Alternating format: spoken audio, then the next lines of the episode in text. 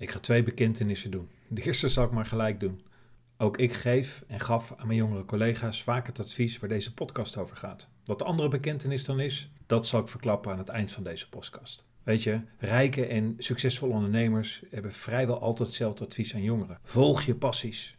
En wat is nou het geval? Dit is eigenlijk een verschrikkelijk behoorlijk onzinnig advies. Ondanks dat het logisch klinkt, maar het dus in mijn ogen niet is. Dit vraagt om een uitleg. Kijk, die rijke stinkert die dat advies geeft, volg je passie, die is dus al rijk. Die is al binnen en heeft eigenlijk heel erg makkelijk praten. Wat zou een veel beter advies zijn? Nou, simpel. Ga op zoek naar iets waar je goed in bent. Werk er duizenden uren aan, aan datgene wat je goed bent of waar je goed in wil worden. En dit vraagt nou eenmaal om doorzettingsvermogen. Het vraagt om opofferingsvermogen en vooral heel hard buffelen als je die kilometers eenmaal maakt, dan word je vanzelf fantastisch in wat je doet. En als je eenmaal fantastisch bent in wat je doet, dan krijg je vanzelf prestige, het bijbehorende inkomen en de erkenning. En als je eenmaal zover bent, ja, dan word je vanzelf gepassioneerd. Gepassioneerd zijn is dus het gevolg van het harde werken en het buffelen aan datgene waar je goed in bent of wilt worden.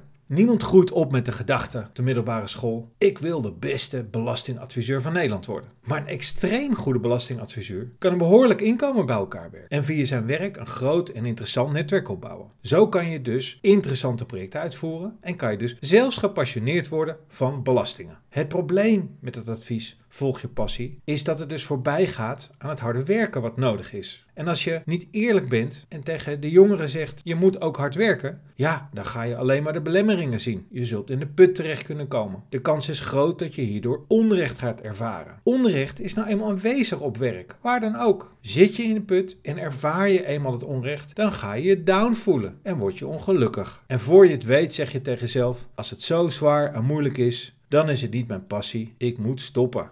In je vrije tijd kan je altijd op korte termijn iets doen waar je positieve energie van krijgt. Ga sporten, ga een filmpje kijken of lekker koken. Ga gezellig wandelen of ga achter de dames aan. En je werk als je jong bent, wees vooral niet bang om fouten. Leer veel en snel, maak uren en buffel. Uiteindelijk zul je ook gepassioneerd worden van je werk. Echt waar.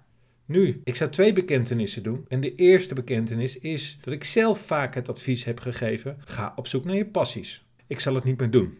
Maar wat is nu mijn tweede bekentenis? Nu, ik heb dit stukje niet zelf bedacht. Ik ben geïnspireerd door een simpel management TikTok filmpje. Ik inmiddels ook op mijn YouTube kanaal heb gezet. Fijne avond, slaap zacht en tot morgen.